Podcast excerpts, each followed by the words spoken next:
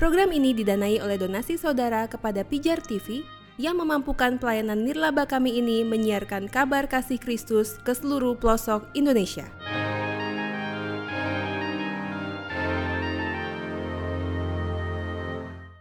Salam alaikum, Besem Hamasiyah. Kali ini kita akan berbicara tentang duduk di sebelah kanan Allah. Ungkapan ini pertama-tama muncul di dalam kitab Jabur atau kitab Mazmur. Berbicara tentang Mazmur Mesianik, di mana Tuhan berfirman, duduklah kamu di sebelah kananku. Tuhan berfirman kepada tuanku, dan tuanku di sini di dalam catatan-catatan tafsiran para rabi Yahudi, baik sebelum maupun sesudah zaman Kristen, itu artinya Melek Hamasyah, Malka Mesiha atau Mesias Raja yang dijanjikan. Oleh karena itu banyak yang tuduhan yang mengatakan bahwa iman Kristen itu telah menuhankan Kristus. Itu sebenarnya tuduhan yang tidak beralasan. Karena apa? Banyak sekarang ini beredar, ya baik itu di tayangan-tayangan YouTube atau di ceramah-ceramah keagamaan non-Kristen. Yesus baru jadi Tuhan tahun 325 pada sebuah konsili di kota Nikea. Ya. Tapi yang pertama, sesungguhnya mereka tidak mengerti apa makna Tuhan itu di dalam iman Kristen karena mereka langsung memaknai itu di dalam konteks agama mereka. Iman Kristen, sebagaimana sering kita bahas dalam forum buka mata ini, memiliki dua pemahaman tentang divine of Jesus Christ dan a lordship of Jesus Christ. Apa artinya divine atau Godhead? Itu menunjukkan kepada Yesus yang dipahami sebagai firman Allah. Firman itu bersama-sama dengan Allah dan firman itu adalah Allah. Inilah makna keilahian Yesus Kristus. Jadi seandainya kita mengatakan Yesus itu adalah firman Allah. Allah menciptakan segala sesuatu ini dengan firman-Nya. Ketika di dalam kitab Taurat, khususnya Sefer Bereshit dikatakan berfirmanlah Allah, jadilah terang dan terang itu jadi. Yehi ur wa yehi ur. Artinya segala yang difirmankan Allah jadi, maka jadilah. Jadilah terang, maka terang itu jadi. Allah menciptakan segala sesuatu itu dengan firmannya. Dengan firman Tuhan, langit bumi yang tidak ada diciptakan menjadi ada. Inilah makna keilahian di mana Yesus disebut sebagai firman Allah dalam praeksistensinya.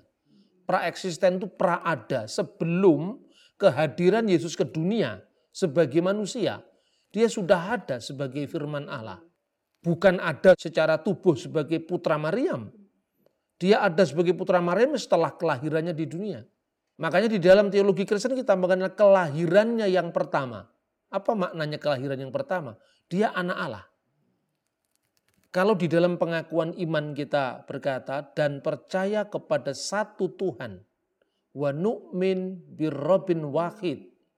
Yesus al-Masih, dekat percaya kepada satu Tuhan, Yesus Kristus. Ibnullahul wahid, anak Allah yang tunggal. Ini kanun al-iman yang biasa dibaca oleh gereja-gereja yang berbahasa Arab di seluruh Timur Tengah. Al-mauludu minal ab qabala kuliduhur. Yang dilahirkan dari Bapa sebelum segala abad. Inilah makna pewahyuan diri ilahi. Tidak seorang pun pernah melihat Allah. Tetapi anak tunggal yang ada di pangkuan Bapa, dialah yang menyatakannya. Seperti saya, orang tidak mengenal saya.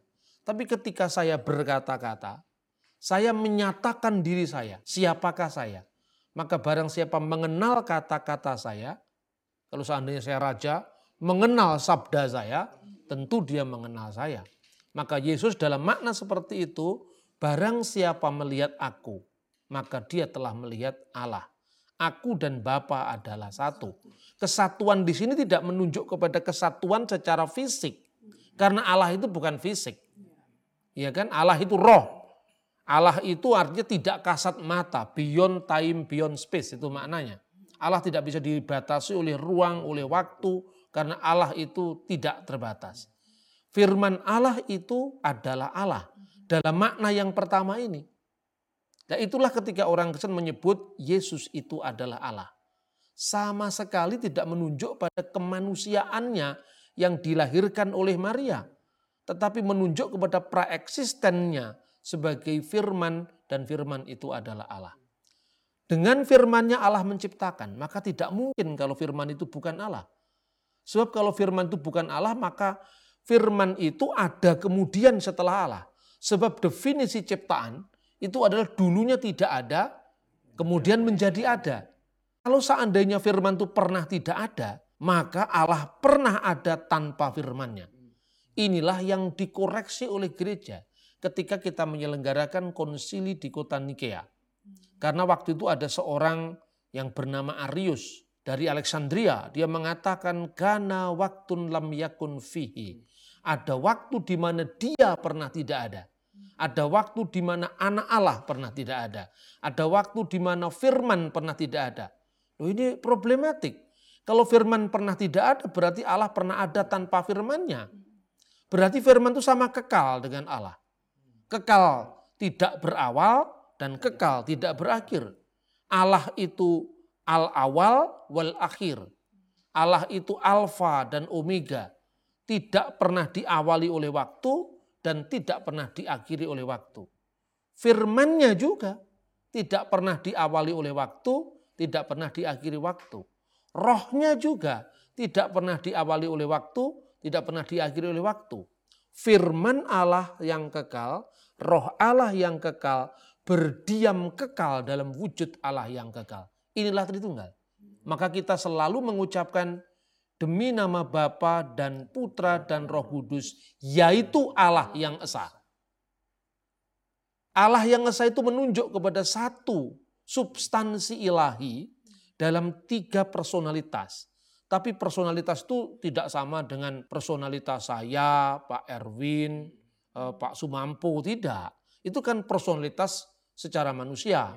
Dan banyak sekali Orang salah memahami iman Kristen dipikir oknum itu pengertiannya oknum yang terpisah. Itu oknumnya Sigmund Freud itu. Oknum dalam ilmu psikologi yang namanya psychological personality. Para bapak gereja tidak pernah mendefinisikan oknum dalam makna seperti oknum bapakmu, oknum kakekmu, tidak pernah. Ya kan? Oknum di sini maknanya adalah dari bahasa Aramaik. Kenoma. Kenoma itu artinya metaphysical personality. Makanya para bapak gereja misalnya Tertulian yang dikenal sebagai teolog gereja barat. Dia mengatakan una substansia tres persona, diskresi non separati.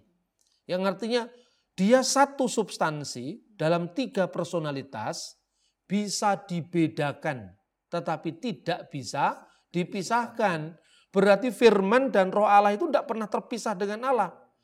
Bahkan ketika firman menjadi manusia Firman itu menjadi manusia seolah-olah firman itu meninggalkan Allah, tetapi serempak dengan itu firman itu tidak pernah terpisah dari Allah. Lah kok bisa? Kenapa tidak bisa? Tuhan tidak terikat oleh ruang dan waktu. Umpamakanlah misalnya, saya punya pikiran. Pikiran saya itu dicatat menjadi buku. Boleh nggak dikatakan ini penjilmaan pikiran saya? Karena siapa yang membaca tulisan saya ini, mengerti pikiran saya dan pikiran saya di mana letaknya? Di dalam diri saya. Pertanyaannya, kertasnya beda apa enggak dengan saya? Beda. Kalau kertas ini terbakar, apakah pikiran saya ikut terbakar? Kalau kertas ini rusak, apa pikiran saya ikut rusak? Tentu tidak. Buku ini disebarkan di seluruh kota Jakarta, bahkan di seluruh Indonesia. Di ribuan tempat yang berbeda di saat yang sama orang bisa membaca tulisan saya. Tetapi pikiran saya tidak pernah meninggalkan saya. Pikiran saya tetap berada dalam diri saya. Apalagi Allah. Maka dalam memahami Allah jangan dipahami secara matematik. Tuhan harus dipahami secara metafisik. Dalam makna seperti itulah orang Kristen memahami tentang keilahian Yesus. Ketika kita misalnya mengatakan Yesus itu adalah ilahuna. Tetapi juga Yesus dalam makna yang kedua itu adalah Tuhanku. Yesus adalah Lord. Lord itu tidak menunjuk kepada ilah dalam makna sembahan atau Elohim dalam makna sembahan, tetapi dalam makna junjungan agung, dalam makna otoritas, dalam makna fungsional jabatan ilahi itu maknanya Tuhan. Makanya kalau dibandingkan dengan bahasa Arab misalnya Allahu Rabbul Junud. Allah itu Tuhan bala tentara. Ini tidak ada dalam Al-Quran, adanya dalam Alkitab. Ya terjemahan dari Adonai Sefaut. Tuhan alam semesta. Kalau dalam Islam lebih dikenal dengan ungkapan Rabbul Alamin. Itu melestarikan dari ungkapan dalam Talmud maupun dalam tulisan-tulisan Kristen Syria, Robun ha ulamim, ulamin, Robun ha ulamin, ya, atau Rabba di Alma, Tuhan pemilik semesta alam. Nah, Yesus disebut dalam konteks yang kedua itu adalah Adonai atau Adoni. Pertama Yesus disebut Elohai, apa Elohimku dalam makna firman itu bersama Allah, firman itu adalah Allah. Kenapa sekali lagi firman terus Allah? Kalau firman bukan Allah, berarti firman itu kekal, tidak diawali oleh waktu, tidak diakhiri oleh waktu. Allah juga kekal, tidak diawali oleh waktu, tidak diakhiri oleh waktu. Kalau firman ini bukan Allah berarti ada dua yang kekal. Dua yang kekal artinya Allah tidak diawali oleh waktu, firmannya tidak diawali oleh waktu, Allah tidak diakhiri oleh waktu, firmannya tidak diakhiri oleh waktu, berarti ada dua yang kekal berdamping-dampingan. Ini bukan monotisme. Maka ketika kita mengatakan firman Allah itu bukan ciptaan, maka dikatakan yang dilahirkan tetapi tidak diciptakan. Itu pengakuan iman kita. Genitum non factum sebagai firman, Yesus itu adalah uh, mauludu goirul makhluk. Dia dilahirkan dalam makna dua tadi. Dilahirkan oleh Allah bukan dalam pengertian lahir secara fisik. Seperti saya yang melahirkan gagasan ini. Ide-ide ini terlahir dari pikiran saya. Bukan orang bertanya, siapa istri pikiranmu? Kan tidak kan? Ya toh? Melahirkan gagasan tidak berarti gagasan itu punya istri. Itu artinya apa?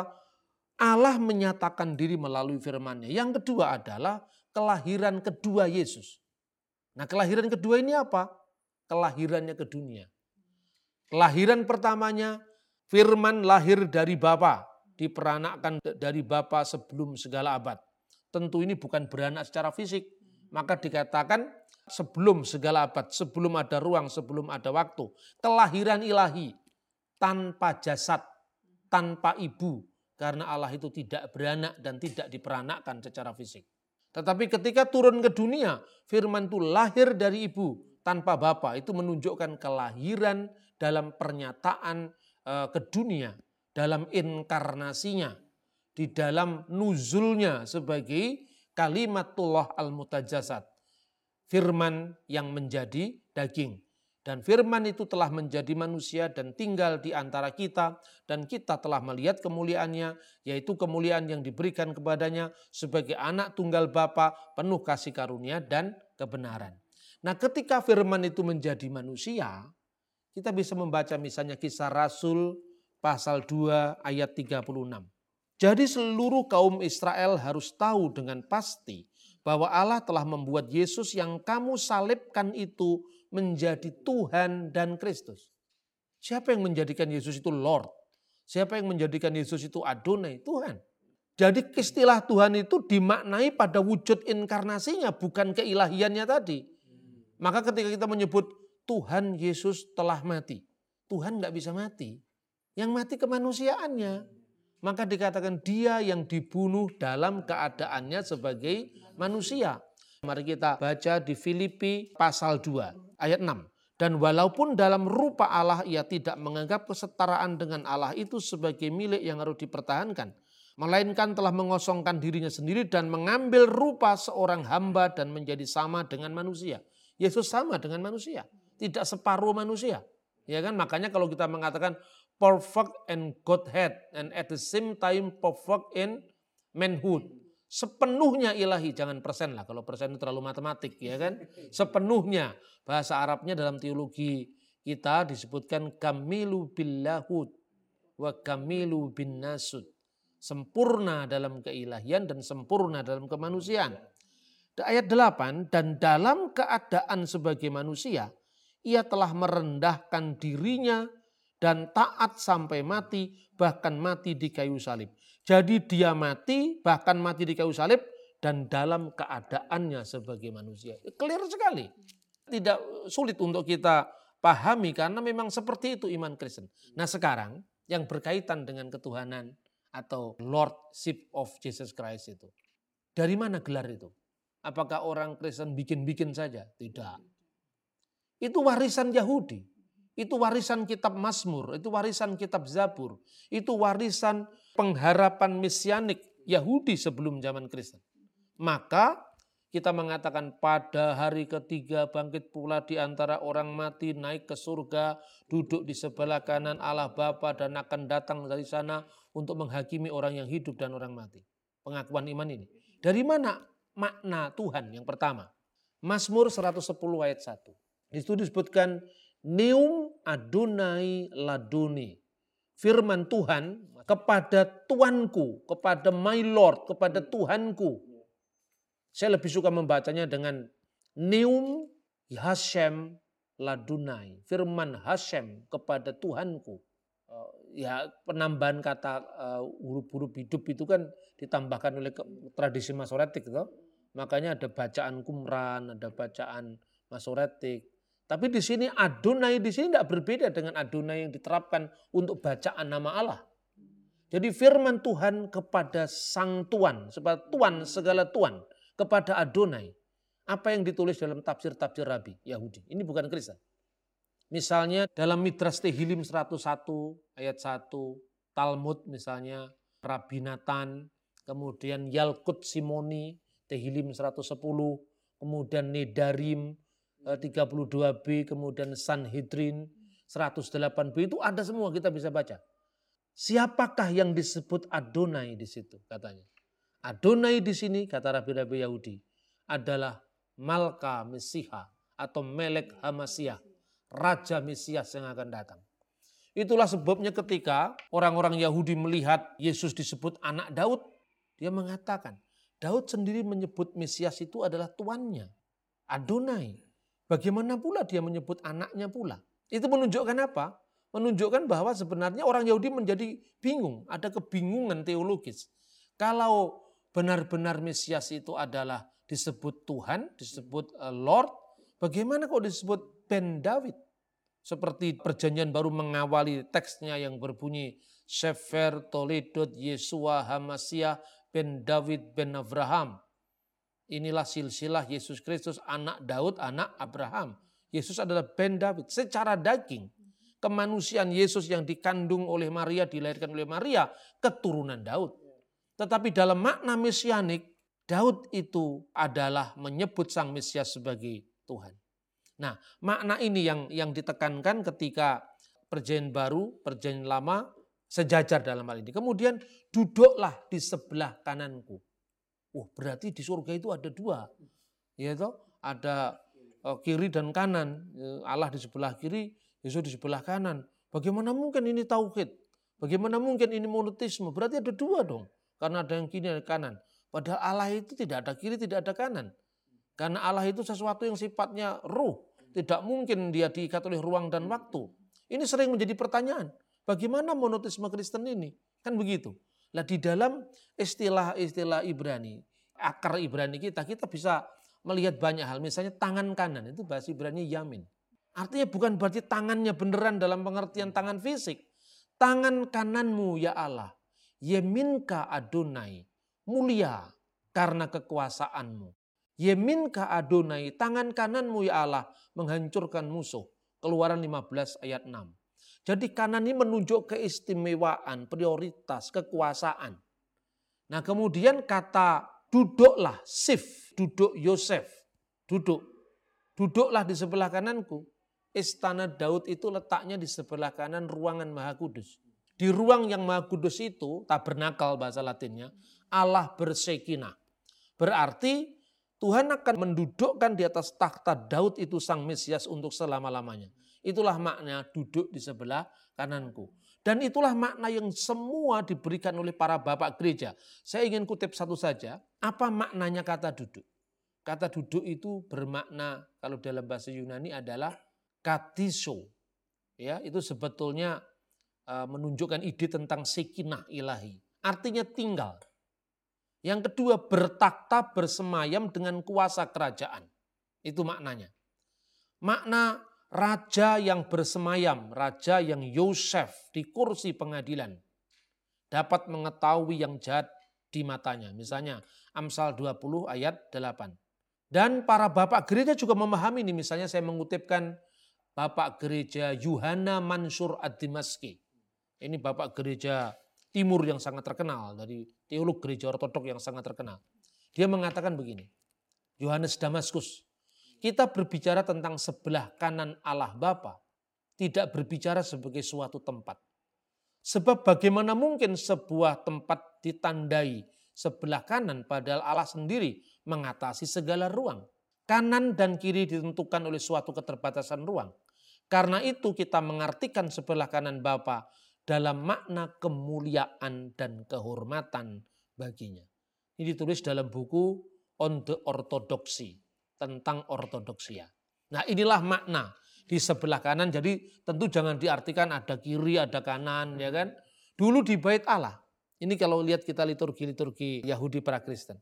Orang mengelilingi bait Allah itu, posisi yang mengelilingi bertentangan dengan arah jarum jam. Supaya posisi yang mengelilingi bait Allah itu di sebelah kanannya. Ini kita membaca di kitab Mazmur banyak sekali. Bahkan di ritual Yahudi seperti Yom Kippur, Ros Hasanah. Ros Hasanah itu yang tahun baru Yahudi. Bahkan liturgi perkawinan Yahudi juga seperti itu. Seorang perempuan itu mengelilingi calon suaminya calon pengantinnya tadi dan dia menggambarkan suami itu menggambarkan kepala dan istri itu menggambarkan umatnya maka digambarkan dia mengelilingi dengan arah yang berlawanan dengan jarum jam supaya posisinya disebabkan jadi kanan itu artinya kemuliaan seperti bahasa Indonesia lah itu tangan kanan Pak Jokowi bukan berarti Pak Jokowi tangannya lepas kemudian hei sini sini kan bukan seperti itu jadi itu adalah ungkapan-ungkapan teologis yang tentu tidak bisa dimaknai dalam pengertian harafiah. Saudara baru saja mendengarkan podcast Pijar TV. Bagi saudara yang ingin berpartisipasi dalam pelayanan Pijar TV, partisipasi donasi saudara dapat dikirimkan ke rekening BCA dengan nomor 5055 182121 atas nama Yayasan Pelayanan Media Indonesia. Salam terang bagi Indonesia.